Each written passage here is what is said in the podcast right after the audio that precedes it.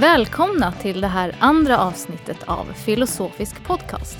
En podcast om filosofi som produceras i samarbete med Filosofisk tidskrift och bokförlaget Tales.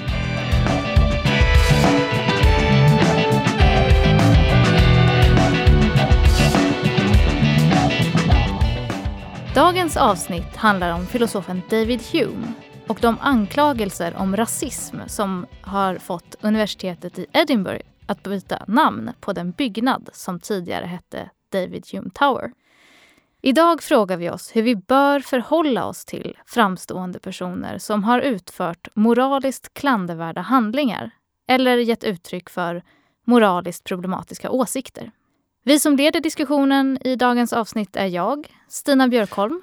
Och jag, Nils Sylvan. Till vår hjälp har vi också bjudit in två gäster.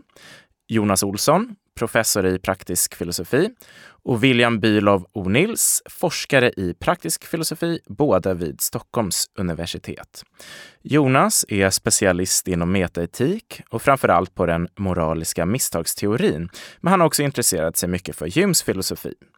William forskar mest inom tillämpad etik och rättsfilosofi och han har bland annat skrivit om frågor som rör hanteringen av skyddsvärda kulturarv i väpnade konflikter. Välkomna till podden ska ni vara båda två. Tackar. Tack så mycket. Vi ska återkomma till de normativa, de moraliska frågorna som väcks av de här rasismanklagelserna som har riktats mot Hume lite senare. Men eh, vi tänkte börja med att prata om eh, Humes filosofiska gärningar.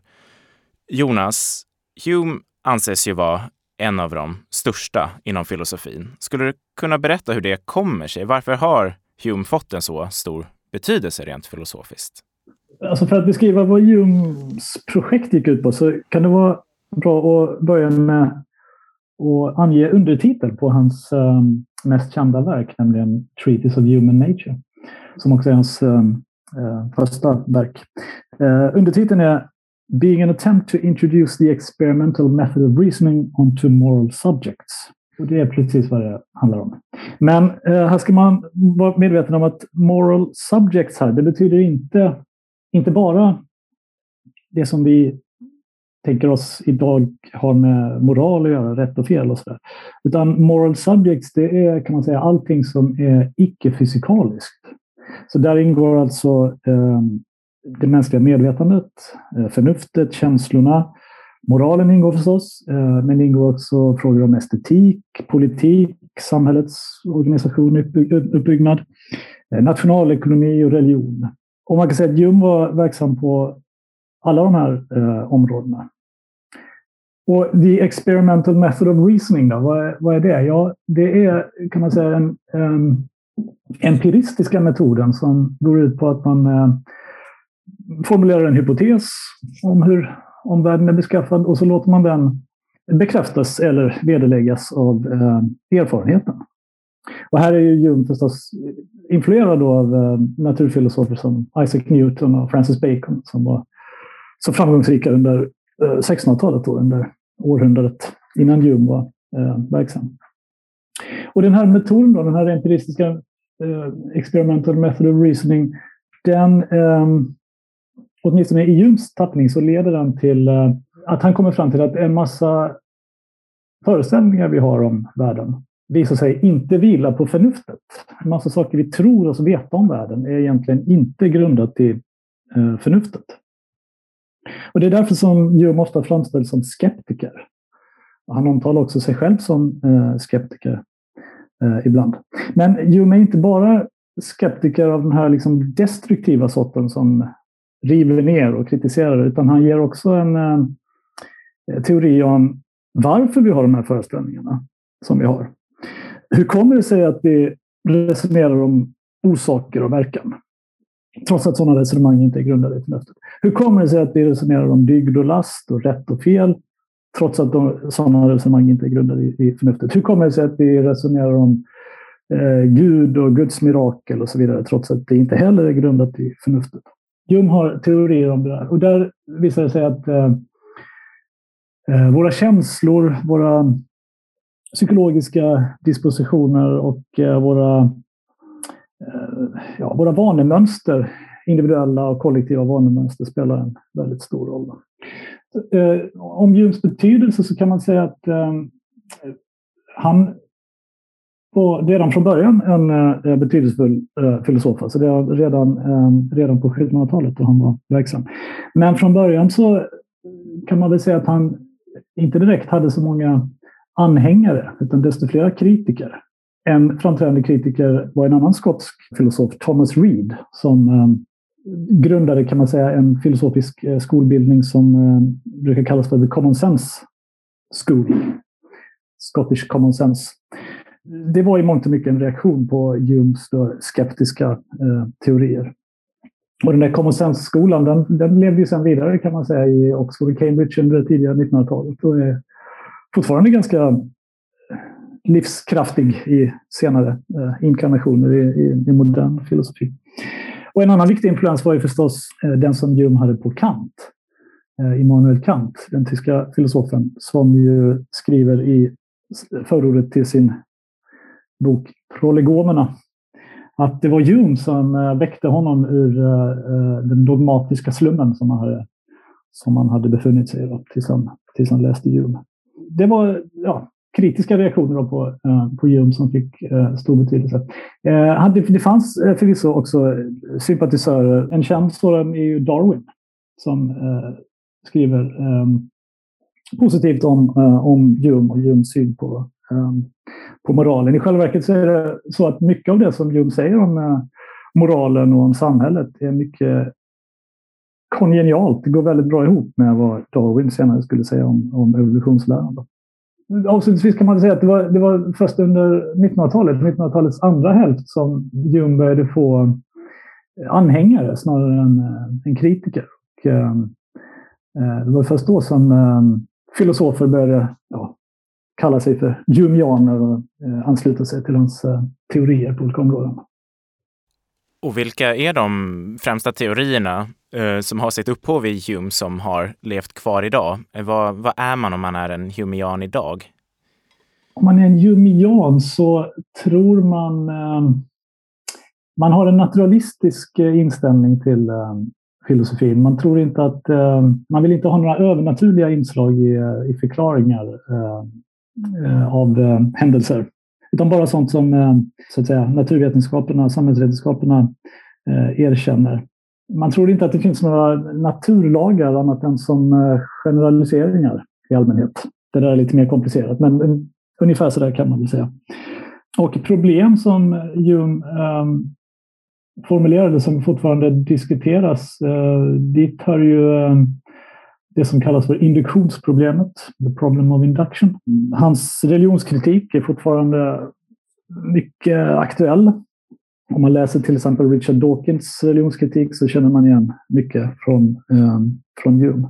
Hans teorier om eh, eh moral är också väldigt eh, vad ska jag säga, gångbara inom eh, eh både moralfilosofin och eh, kognitionsvetenskapen.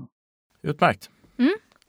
Om vi går vidare då till Humes påstådda rasism som eh, uppmärksammades under hösten förra året. Då det var en student eh, som krävde då att, eh, att det här David Hume Tower i Edinburgh skulle byta namn. Och påbörjade då en namninsamling för, som skulle stödja det här beslutet. Men vi undrar då, William, om du kan berätta lite eh, vad, vad ligger till grund för de här anklagelserna? Går det att fastställa då att Hume faktiskt var rasist? I grund och botten så är det ju som du säger, det är en student vid Edinburgh University som kommer eh, och drar fram det här till ljuset. Och det ska förstås förstås mot bakgrund av Black Lives Matters och den, liksom, de demonstrationer och de händelser som följer därefter. Bland annat så är det bara några veckor innan när liksom Hume uppdateras så har ju Edward Colston slängts i, i vattnet i Bristol. Ehm, så de här frågorna om statyer och av historiska personer som associeras med historiska orättvisor på något sätt ehm, var liksom det som var på tapeten just då. Och där är egentligen händelserna kring Jung, tänker jag, en, en händelse bland många. Men det, om vi tittar på det specifika fallet, vad man gjorde var att man, man hänvisade tillbaka till en fotnot i en text som heter Of National Character. Där det framgår att eh, ja, Joe är väldigt explicit med att han tycker att vita är överlägsna andra raser i. Men även i samband med det här så har en del Jung-forskare påpekat att han hade bland annat uppmanade kontakter som han kände i brev att investera i slavplantage och att han eh, länge höll de här åsikterna. Det vill säga att när han skrev den här of National Characters, vilket jag tror var 1753, var det en text som han sedan kom till att revidera bara några år strax innan han dog. Så att, eh, vilket i de här sammanhangen liksom, återkommer lyfts fram som exempel på att han, han höll de här åsikterna, eller hade de här åsikterna över tid. Och han i viss mån reviderade men övergav dem inte. Och eh, i och med att han inte bara uttryckte dem i text utan även uppmanade till investeringar i slavkontrakt så verkar det som att han inte tyckte att det heller var särskilt oproblematiskt. Han tyckte. Ja, som filosof är man ju inte van vid att ge raka svar. Man säger ja, det beror på hur man menar och sådär. Men i det här fallet så finns det ett rakt svar och det är ja. Jim var rasist. Eh, rasismen uttrycker han i den här uppsatsen som William nämnde då, of national characters. Men jag kanske ska säga också att den där uppsatsen är, ja, det är en ganska kuriös historia. Alltså, han går igenom eh, flera olika Eh, nationaliteter och talar om hur, hur de är, vad de har för karaktärer. Vi svenskar är till exempel väldigt eh, modiga och, och, ganska fysiskt starka och sådär tror jag. Ja. Det, det är som sagt en ganska eh, kuriös eh, text. Den har ingen, ingen liksom, eh, central plats i, eh, i Jums filosofi på något sätt. Eh, det, rasismen träffar man inte på när man läser Jums eh, centrala filosofiska verk som Treatise Inquiries. Utan det finns uttryckt i, i, i den här texten. Då. Men eh, han var rasist och eh, han var rasist av en... Eh, han var en riktig rasist så att säga. Han, eh, en, en sak som man diskuterar i den här av National Characters, det är den här frågan eh, kan vi förklara skillnader, med, eh, alltså med, skillnader mellan nationaliteter eller folkgrupper eller hur man nu vill uttrycka det? Ja, faktiskt, jag kanske ska säga också att Hume eh, tänkte sig faktiskt att det finns olika arter. Alltså människan eh, är inte en art, utan det finns flera olika arter av människor. Där den, de vita då var, var en art och så fanns det ja, ett antal eh, andra eh, arter. Då. Svarta människor var en, var en eh, art. Men en sak han diskuterar i den här texten av National Characters, det är om eh, skillnaderna mellan eh, de här grupperna kan förklaras av det som han kallar moral causes. Och det anknyter till det jag sa i början här om um, moral subject och um, physical subject. Alltså en, för en, en approach är att man uh, förklarar skillnaderna mellan människor uh, med hänvisning till uh, så att säga fysikaliska orsaker, physical causes. Och då hänvis, hänvisar man till sånt som miljö och klimat och sådana saker. Men det finns också en annan, eh, ett annat angreppssätt då, det, som, som hänvisar till moral causes. Då. Det kan ju vara sånt som eh, eh psykologi och samhällsskick och sådana saker. Och Jung kommer fram till att det är klart, det finns ju eh, sån här eh, eh det finns ju skillnader i sådana här eh, så att säga, fysiska avseenden. Klimatet på norra halvklotet det skiljer sig från klimatet på södra halvklotet. Och, och sådär. Men han menar att det också finns eh, betydande moral causes. Till exempel då att svarta människor inte är lika kapabla helt enkelt som vita människor i en massa, en massa avseenden. Och det är här han gör eh, de här, eh, ja det är inte bara här, det är bland annat här han, han gör påståenden som helt enkelt är eh, felaktiga. Han säger till exempel att det inte har funnits eh, några framstående civilisationer, eller i stort sett inga framstående civilisationer i eh, Eh, Afrika, tror jag han säger. Vilket är fel. Det borde han ha vetat bättre om, för eh, Jung var ju inte bara filosof, han var ju i sin samtid faktiskt mest känd som historiker. I och för sig med fokus på eh, Englands historia, då, men, men ändå. Han var ju beläst som få. Han säger också att vi känner inte till någon slav som liksom har rest sig ur uh, slaveriet. Och vi känner inte till någon svart slav som uh, rest sig ur slaveriet och presterat um, stordåd, till exempel skrivit poesi eller, eller, eller något sånt där, eller tillgodogjort sig utbildning. Däremot känner vi till fattiga Eh, vita människor som har rest sig ur sin fattigdom. Och det är också fel. Det fanns eh, eh exempel på svarta människor som eh, i alla fall tillgodogjorde sig eh, utbildning, ägnade sig åt poesi, litteratur och så vidare i ljum samtid. Så det var också helt fel.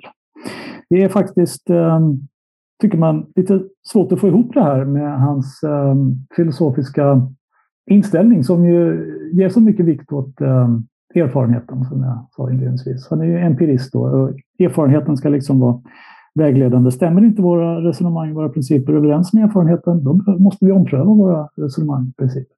Det var han alltså inte beredd att göra när det gällde rasismen. Och det är ju beklämmande. Jag tänker också att eh, han är ju um, inte främmande för att ifrågasätta tidens konventioner. Jag tänker särskilt på hans religionskritik. Ehm, och i det ljuset så blir det ändå lite mer förvånande att han då inte ifrågasätter sin tids rasism. För ett jag menar, tänkbart försvar, så att säga, inom citationstecken av Humes rasism kunde vara att han var ett barn av sin tid. Jag menar, det här var vad folk sysslade med och han gav bara uttryck för det som alla andra gav uttryck för. Men det ter sig ju då aningen märkligt med tanke på att han då inte var främmande för att ifrågasätta eh, konventionerna på, eh, på andra områden.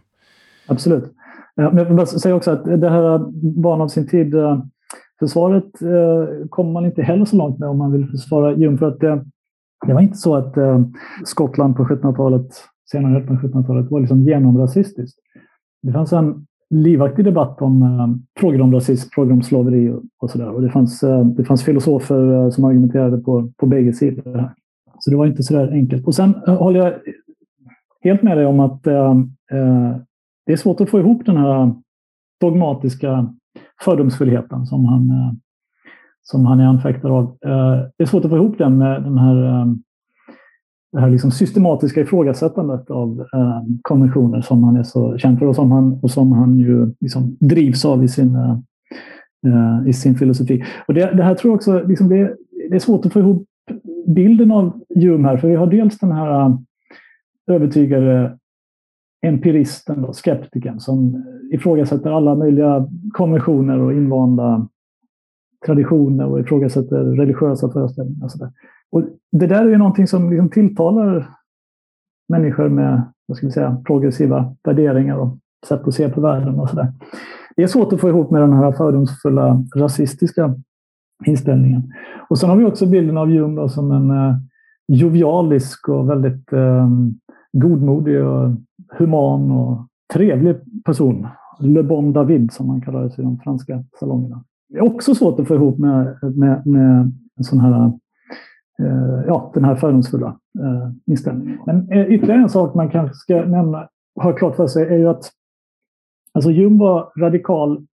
Han var en radikal filosof. Han var radikal på, inom filosofin. Där eh, var han inte rädd att ifrågasätta alla möjliga etablerade uppfattningar om förnuftets roll och eh, som sagt om, om Gud och religionen och, och, och, och vad det nu kan vara. Men politiskt var han inte radikal. Politiskt var han närmast att betrakta som ehm, konservativ, en väldigt försiktig person. Med det taget i beaktande så ska man väl inte vara ehm, förvånad över att han inte argumenterade passionerat för ehm, eh, abolitionismen och sånt där. Han hade ju starka uppfattningar åt andra hållet så att säga.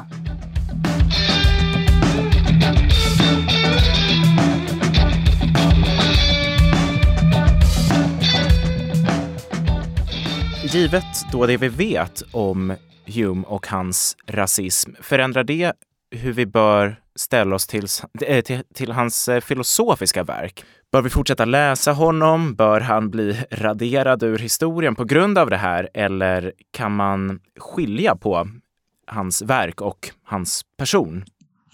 Jo, men det tycker jag man kan.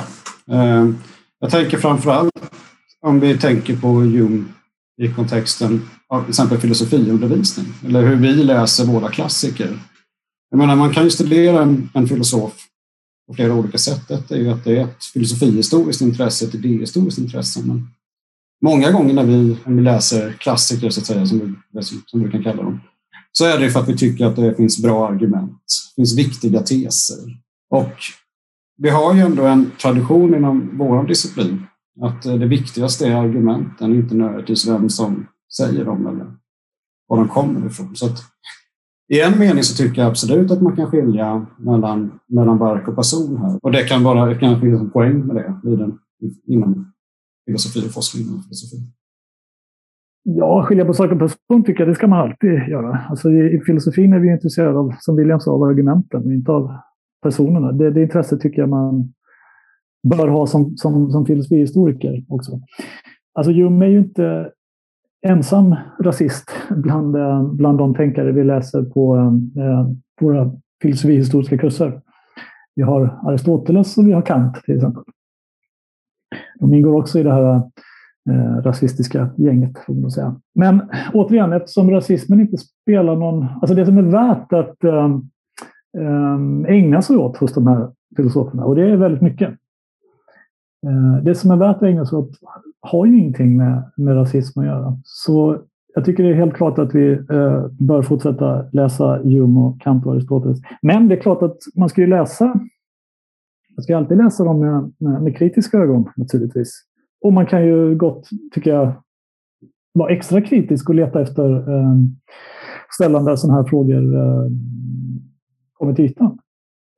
Eh, när sådana här saker uppdagas, som till exempel Humes ehm, eh, uppmaningar till sin bekanta här att investera i slavhandel eller slavplantage. Så vi kan sammanfatta lite så kan vi säga då att Hume eh, uppenbarligen har varit en väldigt inflytelserik filosof, stor tänkare. Han hade uppenbarligen då rasistiska uppfattningar. Men trots detta så finns det ett filosofiskt värde att fortsätta läsa hans filosofiska verk då, studera dem och bortse då från hans personliga uppfattningar. Men en ytterligare fråga är det då, även om vi godtar allt det här, hur ska vi då ställa oss till hyllningar av Hume? Bör vi hylla personer som har eh, gett uttryck för eh, moraliskt problematiska åsikter ändå? Eh, jag tror att jag är emot statyer överhuvudtaget. Så eh, jag tycker nog eh, att vi kan eh, strunta i det helt och hållet. Men jag tycker det är särskilt problematiskt um, när det gäller tänkare, särskilt filosofer. Då. Jag menar, vad är det man gör egentligen när man eh, eh, reser en staty över någon? Över Hume till exempel, då, som finns på The Royal Mile i Edinburgh. Ja, man, dels så gör man ju på något sätt sakraliserar man ju personen. Man gör den till någonting mer än en, en än bara en människa, så att säga. Och det finns ju också... Man framställer ju också personen som... Eh, alltså det tenderar att underblåsa den här föreställningen av filosofen som det, det ensamma geniet på något sätt som eh, verkar eh, i ensamhet och, och skapar dessa stordåd. Men så där är det ju oftast inte. Alltså, oftast är det ju så att man, man är inte ensamseglare. Liksom. Eh, utan man, eh, man reagerar på vad andra har skrivit och sådär och man får hjälp av varandra. Och så där. Och så där var det ju definitivt med, eh, med Jum. Han reagerade mycket på vad andra hade skrivit. Han tog starka intryck av sin lärare Francis Hutchison. Många av, många av Jums eh, argument, framförallt när det gäller moralfilosofin, hans argument mot eh, moralisk rationalism. Det är argument som finns hos eh, Hutchison. Han påverkas mycket av Adam Smith, då, sin eh, eh samtida och den eh, filosofen Adam Smith. Och man tenderar ju också underblåsa det här liksom, eh, eh ja, bilden av eh, det manliga geniet. Då. Det är ju oftast män som får statyer eh, över sig. Eller efter sig. Eh, och det där tycker jag inte är bra då, av de skälen som jag nämnde. Jag håller, väldigt, eh, jag håller med Jonas i mycket det han säger. Jag tycker, alltså, när man tänker på vad en staty innebär och vad det innebär en, att det innebär en hyllning så det är ofta väldigt svårt i de sammanhangen att tänka sig att det annat är än en hyllning eller upphöjning av en person och dennes karaktär. Så det är, det är oftast inte en hyllning av en persons achievements eh, eller någon enskild sak, utan oftast är det så att man, det blir liksom som en helgonlik eller en saint-like hyllning. Alltså en hyllning av den personens karaktär. Mer än några enstaka saker som den associeras med. Det blir alltså, man kan säga att det verkar som att man gör en, en holistisk bedömning, en sammantagen bedömning. Att det här är ett, en person som är exemplarisk i vissa avseenden. Och det är klart att jag, jag tror många gånger när folk vänder sig mot eh, eller framförallt de här debatterna som har varit kring statyer av historiska personer där man har lyft fram aspekter som inte går ihop med den här exemplariska ideal personer som man tänker sig. är nog för att vi har den förståelsen av statyer till att börja med. Så det här liksom är lite grann att sätta liksom hål, ett hål i ballongen. Så att jag tror det där måste vara någon utgångspunkt när vi förstår vad det, är, vad det är man pratar om när man pratar om minnesmärken. Samma sak som gäller statyer, meningen gäller också när man väljer att uppkalla en betydelsefull byggnad efter en person. Till exempel att det är också en hyllning av det här slaget, att man lyfter fram det här som ett, en, en synnerligen eh, exemplarisk person, eh, både moraliskt och i andra avseenden också.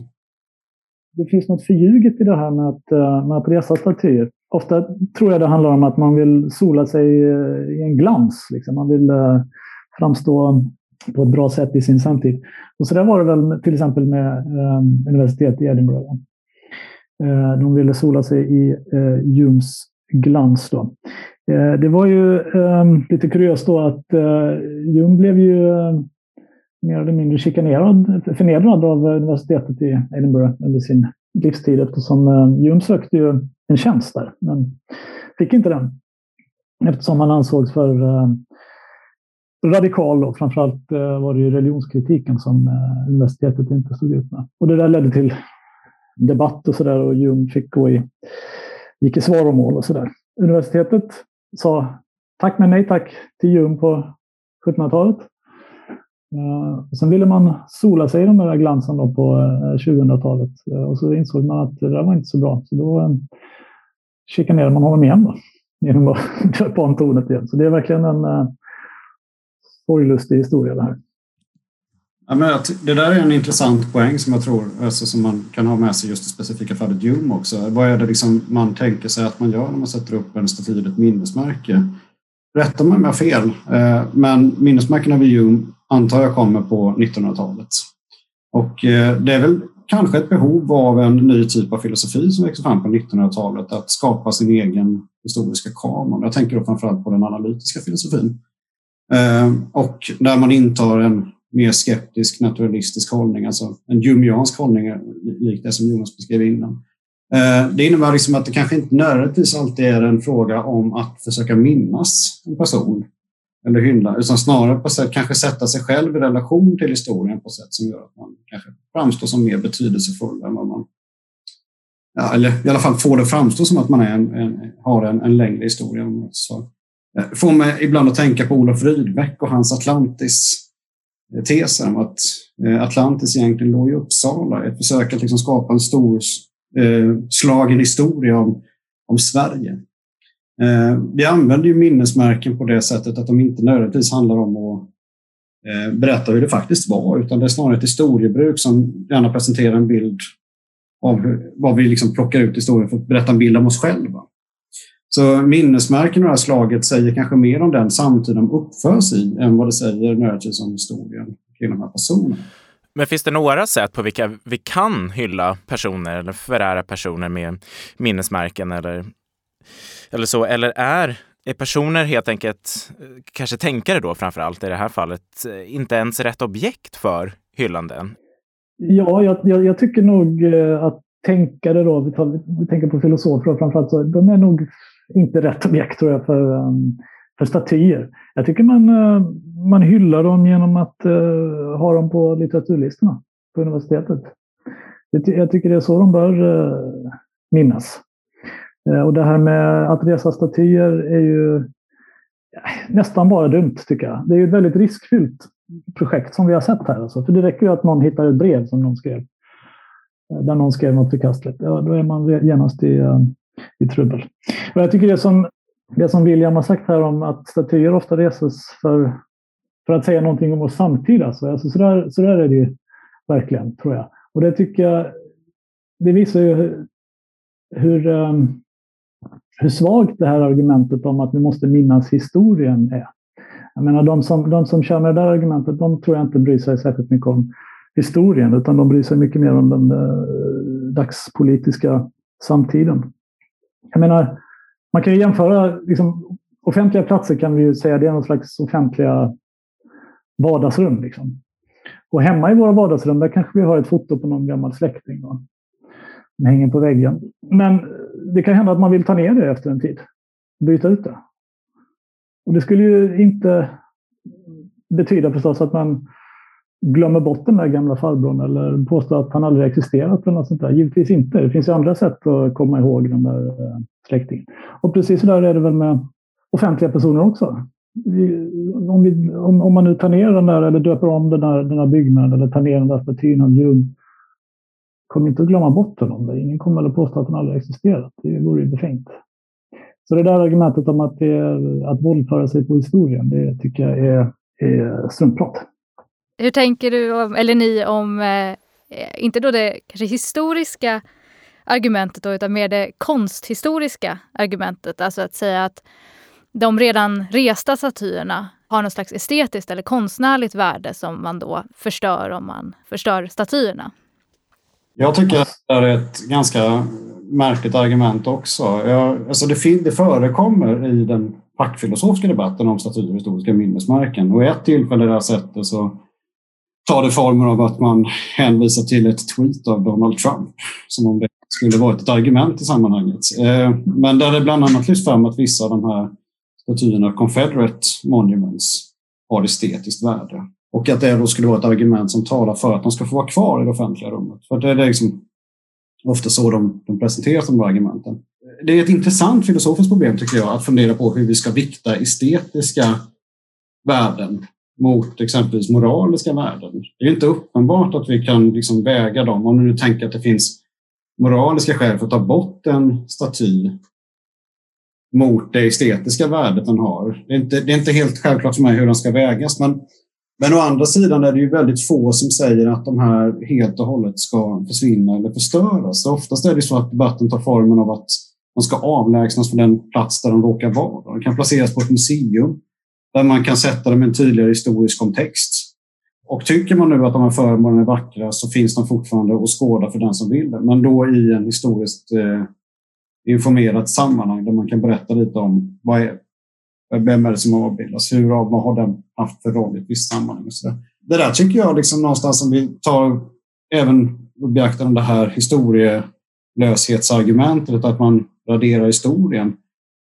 Tillsammans med det estetiska tycker jag väl att det är alldeles utmärkt att kunna besvara båda dem genom att säga att vi har dem på museum istället.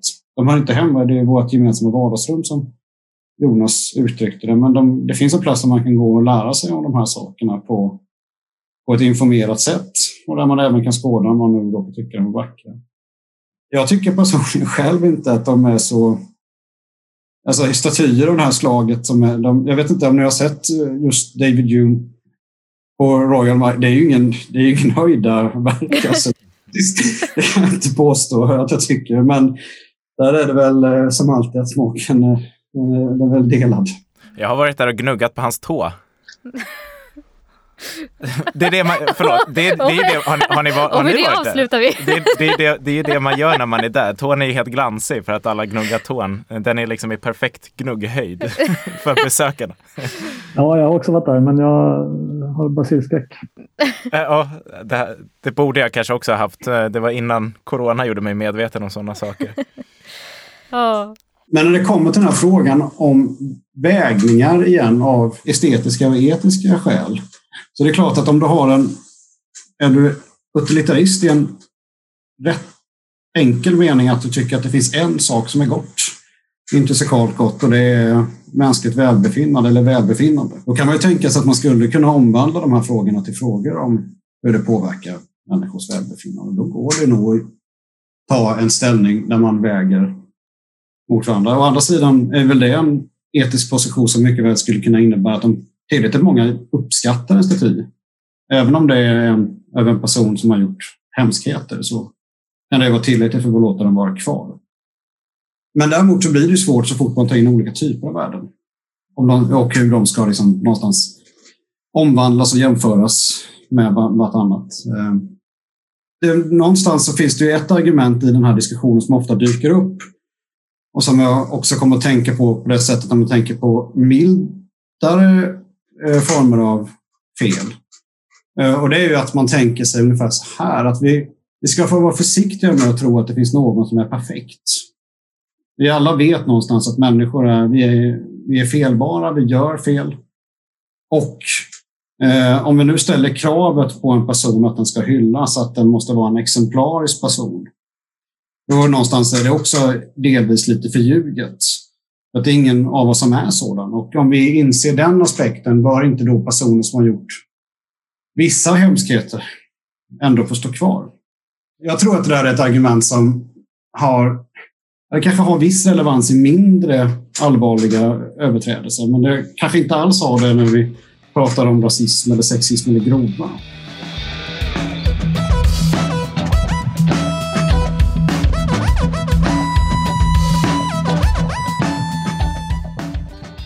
Vi har talat mycket om hur vi bör, alternativt inte bör, hylla eh, personer. Men eh, en relaterad fråga är ju hur, om vi ens bör eh, uttrycka indignation mot personer. Jag menar att eh, byta namn på ett, eh, en byggnad, att eh, ta ner en staty, det är ju sätt på vilka vi visa vår indignation då mot eh, sådana som har begått moraliskt klandervärda handlingar eller uttryckt moraliskt klandervärda åsikter. Då.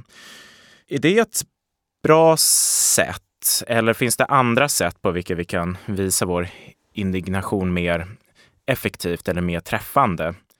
Ofta så är det inte så bra sätt. Jag tror att det... Alltså jag tycker vad vi, vad vi borde göra, vad vi som lever nu borde göra när vi eh, inser sånt här som att eh, stora tänkare som var verksamma för 250 år sedan var, var rasister. Vad vi borde göra, vi borde reflektera över vår egen tankevärld. Jag menar, man hör ju ofta att vi, eller vi då, men man hör ofta eh, inte sällan politiker då säga att ja, vi, vi har vårt, eh, vårt eh, västerländska idéhistoriska arv då, som går tillbaka till upplysningen och ännu längre tillbaka till den judisk-kristna traditionen. Och så tycker man att det där är något väldigt fint. Men vad vi talar om nu är ju ett exempel på att det är inte bara trevliga saker som ingår här. Några av de mest framträdande förgrundsgestalterna i det här västerländska idéarvet som går tillbaka till upplysningen, Hume och Kant, de var rasister. De var övertygade rasister. Och därför kanske man inte ska bli så överraskad när det dyker upp um, rasistiska eh, föreställningar i, i vår samtid, i vår eh, idévärld. Så jag tycker vi, vi borde, borde ta det här som eh, uppmaningar att, att granska oss själva istället. Och det finns ju inte, det är inte bara rasism som förekommer hos eh, och Kant. Eh, könsförtryck, alltså sexistiska föreställningar är ju mycket mer vanligt förekommande i deras texter. Och det är också en sak som vi måste tänka på naturligtvis. Att det här idéarvet som vi tycker är så trevligt innehåller också sånt. Då. Sån bråte som vi inte vill ha. Och det, eh, annars blir det liksom, om vi, om vi fastnar i den här diskussionen om att eh, nu ska vi inte kalla det här um, tornet för Hume Tower längre, för Hume var en sån hemsk person. Då tror jag man tenderar att bekräfta den här tanken att men vi är minsann inte så där hemska. De var hemska för 200 år sedan, men eh, nu är vi inte det längre. Men det där tror jag är eh, väldigt eh, det är en eh, form av allvarligt självbedrägeri. menar, det, är bara att tänka på hur debatten gick i Sverige om apartheid. Det var inte särskilt länge sedan. Det är lätt att googla fram exempel på vad till exempel svenska högerpolitiker hade att säga om svarta människor i Sydafrika.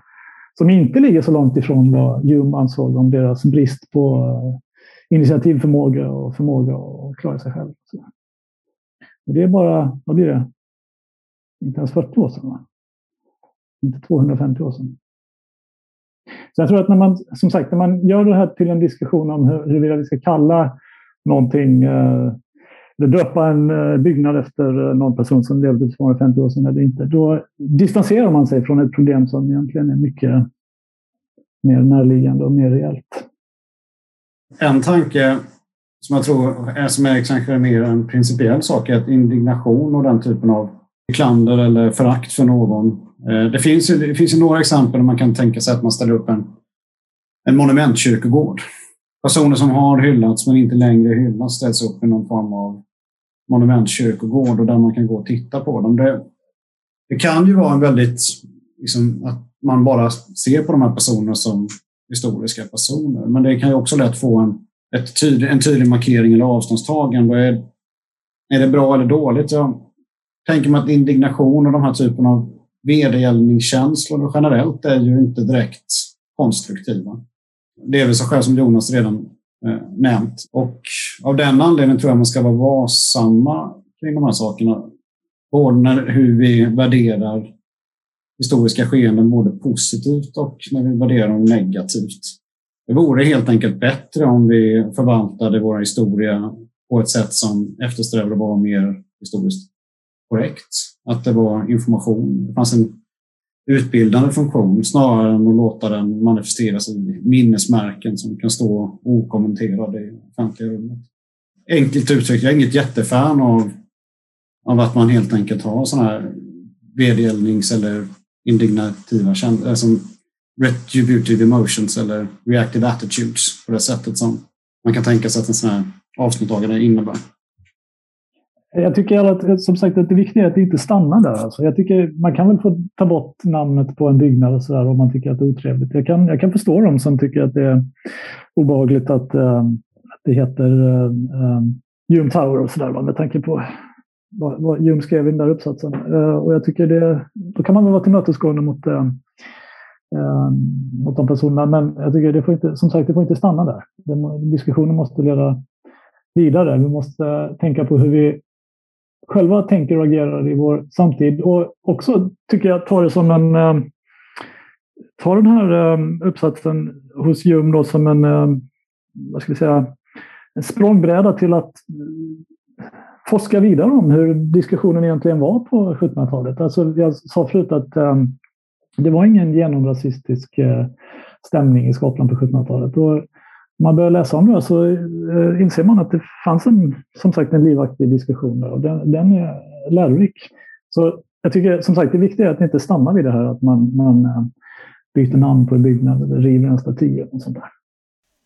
Jag tycker det här låter som slutord. Men ehm, avslutningsvis så undrar vi om det finns någonting filosofiskt som ni skulle vilja rekommendera alla lyssnare. Eh, det behöver inte alls ha någonting med temat för det här avsnittet att göra. Vi kan börja med dig, William. Jag tänker nog enklast är att jag rekommenderar en bok jag läser just nu.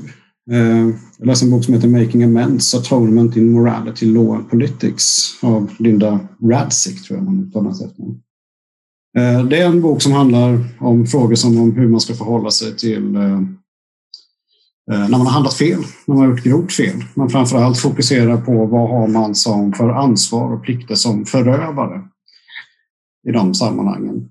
Det är väl lite relaterat till vårt tema, men kanske inte helt uppenbart. Men, men det, det, är en väldigt bra bok. Den är väldigt angenäm att läsa och det finns en hel del intresseväckande resonemang i den. Så det är något att tipsa om. Utmärkt, bra tips. Jonas? Ja, nej, men jag, eh, jag gillar ju Hume trots allt. Eller ja, kanske inte personen då, men jag gillar hans filosofi trots eh, alla hans fel och brister. Så jag vill väl ändå eh, rekommendera att man läser Hume faktiskt. Eh, man kan ju undvika den här eh, famösa of national characters då, som vi har varit inne på. Men eh, till exempel hans religionsfilosofi är fantastiskt läsvärd. Hume var inte bara en eh, eh, fenomenal filosof, han var också en fenomenal författare. Så det är verkligen njutning att läsa honom. Så eh, Dialoger om naturlig religion vill jag rekommendera. Och också hans eh, båda Inquiries tycker jag är också mycket njutbar läsning. Sen skulle jag vilja också rekommendera en, helt, en sak som inte relaterar till Hume. Um, en populär filosofisk bok som heter Wittgensteins Poker. Den är mycket läsvärd. Det är skriven av två ehm, ehm, um, BBC-journalister som jag har glömt namnet på. Men Wittgensteins Poker i alla fall eh, titeln på boken och den handlar om att eh, en, ett legendariskt möte mellan två 1900-talsfilosofer, Ludwig Wittgenstein och Karl Popper Cambridge. Och det är en historia som låter sig berättas. Ja, det var allt för det här avsnittet. Tack så mycket Jonas och William för att ni ville komma hit och diskutera det här med oss.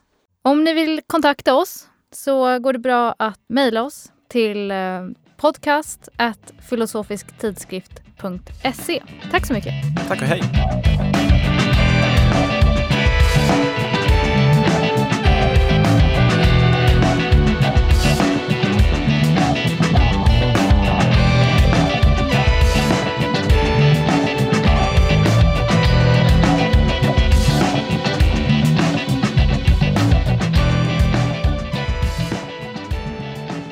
Ja, det var det. Var det något vi inte tog upp i programmet som ni vill eh, Ja, mm, ta upp nu? jag skulle vilja säga, på, poängtera att ehm, det finns rätt bra saker. Alltså, det är rätt intressant att läsa om den här om Humes rasism. Ehm, alltså det, det, det är rätt intressant att läsa vad Hume-forskare har skrivit om uh, Humes rasism. Det är filosofiskt intressant och historiskt intressant. Men eh, ja, det är intressant helt enkelt. Och jag tycker också det, det är något beundransvärt i, att, i det här att som Hume-forskare, om man, om, man, jag menar, om man nu verkligen har ägnat sitt forskarliv åt att hålla på med Hume, så är det något eh, det är något hedervärt i det här att man lyfter fram de här obehagliga aspekterna och Mm. diskuterar dem. Just det, inte sopa dem under mattan. Ja. En sak vi inte diskuterat är ju egentligen Heidegger, för där har vi också en problematik som är Mm.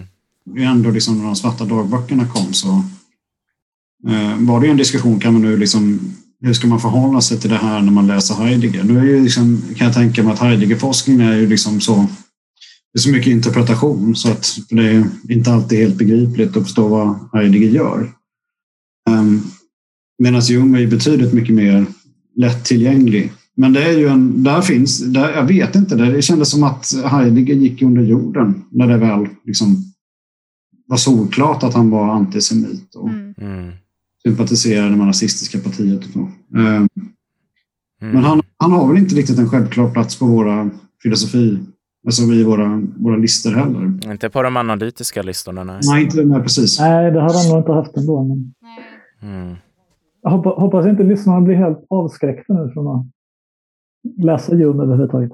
Det är ju liksom besvärligt om, man, om, man skulle, om man skulle börja till exempel på um, kursen på prak- delkursen Praktisk filosofi 2 här, klassiska texter. Mm. Börja och säga ja, här är Hume som vi ska läsa nu en bok av. Han var rasist. Nu går vi vidare. Det, det, är liksom, det är en ganska stark eh, blockering. Där för Ja, och dessutom eh, sexist. Ja, just det. Mm. Eh, Så det är lite besvärligt hur man ska förhålla sig till det där. Mm. Ja. ja, men då så. Nu kan man få lägga på om man vill.